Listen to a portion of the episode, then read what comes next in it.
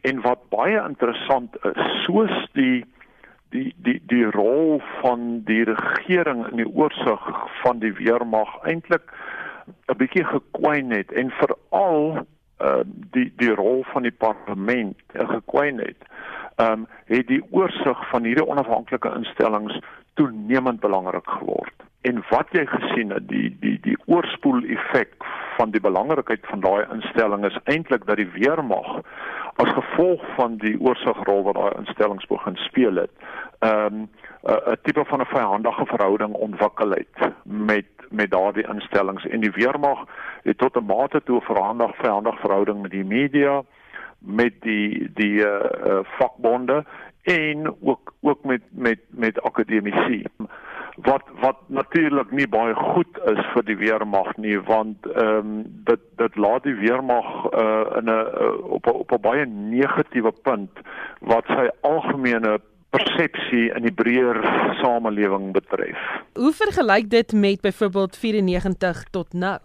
Wat ons gesien het sedert 94, 94 was die rol van die parlement baie baie baie prominent in die oorsig van die weermag. Die parlement het 'n baie baie prominente rol gespeel en mense het dit gesien hoe dit uitgespeel het in 'n die publisering van die 96 wetskrif op verdediging waar nie net die parlement nie, maar ook die die burgerlike samelewing baie baie prominent was in hulle oorsigrol van die weermag.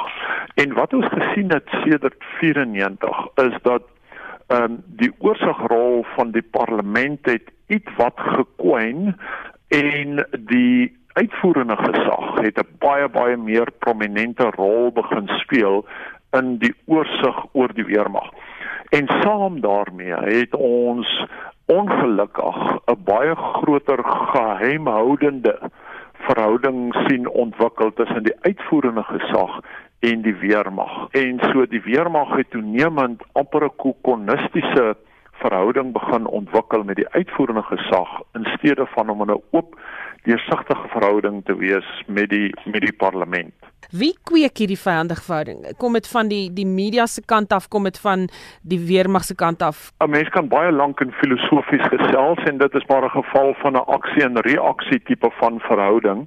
Maar een van die goed wat definitief 'n rol speel is dat die onderbefondsing van die weermag het daartoe gelei dat die professionalisering van die weermag ietwat agteruit gegaan het agteruit gegaan het sedert 94.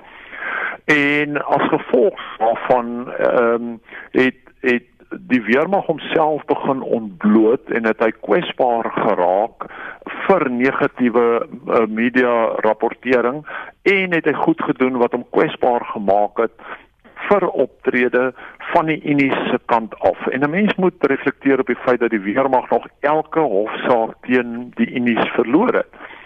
En so die die die rapportering op die weermag het hoofsaaklik negatief begin raak, maar dit het dit het te doen met die agteruitgaan uh, en ek sê agteruitgaan baie versigtig hier uh, van die professionalisering van die weermag omdat daar nie genoeg geld is om die weermag na behore op te lei om die weermag na behore toe te rus nie.